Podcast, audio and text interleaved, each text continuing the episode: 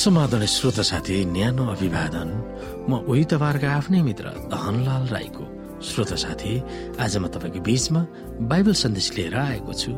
आजको बाइबल सन्देशको शीर्षक रहेको छ सुधारको निरन्तरता जारी रहन्छ।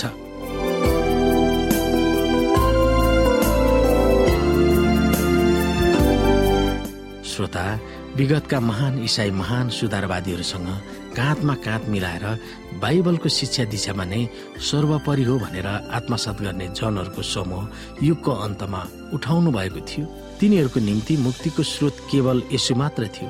तिनीहरूको बलको स्रोत केवल पवित्र आत्मा मात्र थियो र हाम्रो प्रभुको दोस्रो आगमन नै तिनीहरूको सबै आशाहरूको चरम आशा थियो। परम्पराको नाउँमा र गलत धार्मिक र दर्शनको अध्यारोमा बिलाएको बाइबलका सत्यहरू बाइबलले सावत समेत यशुको आगमन भन्दा अघि सारा संसारमा घोषणा गर्नेछ। यस अन्तिम समयको सुधारलाई पूर्णता दिन तीन स्वर्गदूतका सन्देशले युगको अन्तमा विशेष सुसमाचार सुनाउने समूहलाई जन्म दिएको थियो। त्यस समूहको अभियान थियो यस संसारमा यसुले थालनी गर्नुभएको उहाँको काम सम्पन्न गर्नु। यस संसारमा परमेश्वरको अन्तिम सन्देश सुनाउने समूह हुनेछ भनेर बाइबलका अन्तिम पुस्तकका महान भविष्यवाणीहरूले प्रकट गरेको छ। त्यो समूह महान निराश अर्थात् यशुको आगमन अठार सय चालिसमा हुनेछ भनेर पर्खिने तर उहाँ नआउँदा निराश हुनेहरूको जमातबाट नै परमेश्वरले उठाउनु भएको थियो। अनन्तको सुसमाचार सारा संसारमा सुनाउने जिम्मेवार बोकेका विश्वव्यापी चर्चको बारेमा प्रकाश चौधले वर्णन गरेको छ। प्रकाश चौधको तीन स्वर्गदूतहरूसँग प्रकाश अठारको चौथो स्वर्गदूत मिल्दछन्। यस स्वर्गदूतले तीन स्वर्गदूतहरूका सन्देशहरू घोषणा गर्न त्यस चर्चलाई शक्ति सम्पन्न गराउँछन्। त्यस चर्चको सन्देश र तिनीहरूको जीवनी सारा पृथ्वी नै परमेश्वरको महिमाले चम्कनेछ भनिएको छ। मानव इतिहासको चरम बिन्दु र सुसमाचारका आखिरी विजयको दौरानमा हुने विभिन्न मुख्य घटनालाई प्रकाश अठारले केन्द्रित गरेको छ। यहुनाले चौथो स्वर्गदूतको बारेमा के कुराहरू भन्दछन्। हामी हेर्न सक्छौ।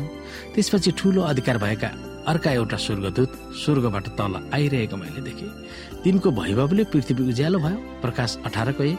हामी हेर्न सक्छौ यो पनि किनकि समुद्र पानीले ढाकिए झै पृथ्वी समुद्रका महिमाको ज्ञानले भरिपूर्ण हुनेछ भनेर हकुब दुई अध्यायको चौधमा वर्णन गरिएको छ। पवित्र स्थानको परमेश्वरको सिंहासनको कक्षमा रहेको महिमित परमेश्वरको उपस्थितिबाट स्वर्गदूत तल झर्छन् परमेश्वरको दयाको अन्तिम सन्देश र यस पृथ्वी ग्रहमा आउनेवाला घटनाहरूको बारेमा यस पृथ्वीका बासिन्दाहरूलाई चेतावनी दिन त्यस स्वर्गदूतलाई जिम्मा दिएको थियो। प्रकाश अठारको एकले यो बताउँदछ कि त्यस स्वर्गदूत ठूलो अधिकार लिएर आउँछन्। नयाँ नियमको ग्रिक शब्दमा अधिकार भनेको एक्सोसिया हो। आफ्ना चेलाहरूलाई सुसमाचार प्रचार गर्न पठाउँदा यसुले तिनीहरूलाई अधिकार सम्पन्न गराउनु भएको थियो।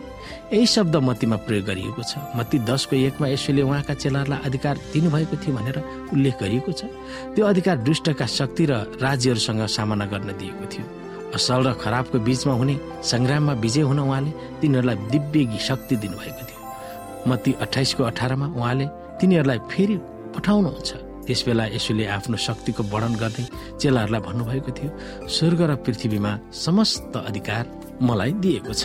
यसकारण जाओ र सबै देशका जातिहरूलाई चेला बनाओ। पिता पुत्र पवित्र आत्माको नाउँमा तिनीहरूलाई बत्तिसमा दियो। मैले तिमीहरूलाई आज्ञा गरेका सबै कुरा पालना गर्न तिनीहरूलाई सिकाओ। हेर म युगको अन्त्यमा सधैँ तिमीहरूका साथमा छु। यसको तात्पर्य सुसमाचार सुनाउने उहाँको माग गर्न चेलाहरूलाई उहाँले अधिकार दिनुभएको छ। अन्तिम दिनहरूमा अधिकारको सामना गर्दा हामी कसको अधिकारमा चल्ने? परमेश्वरको वा आफ्नो पशुको शक्ति वा अरू कसैको? तपाईँ कहिले कसको अधिकारमा चलिरहनु भएको छ? त्यो विषयमा हामी सोच्न सक्छौँ। हामी अहिले कसको अधिकारमा चलिरहेका छौँ? परमेश्वरले योजना गर्नुभएको मुताबिक हाम्रो जीवनलाई चलायमान गरिरहेका छौँ वा पशुको शक्ति जुन छ त्यसमा हामी पर्यौँ ती कुराहरूमा हामी विचार गर्न सक्दछौँ।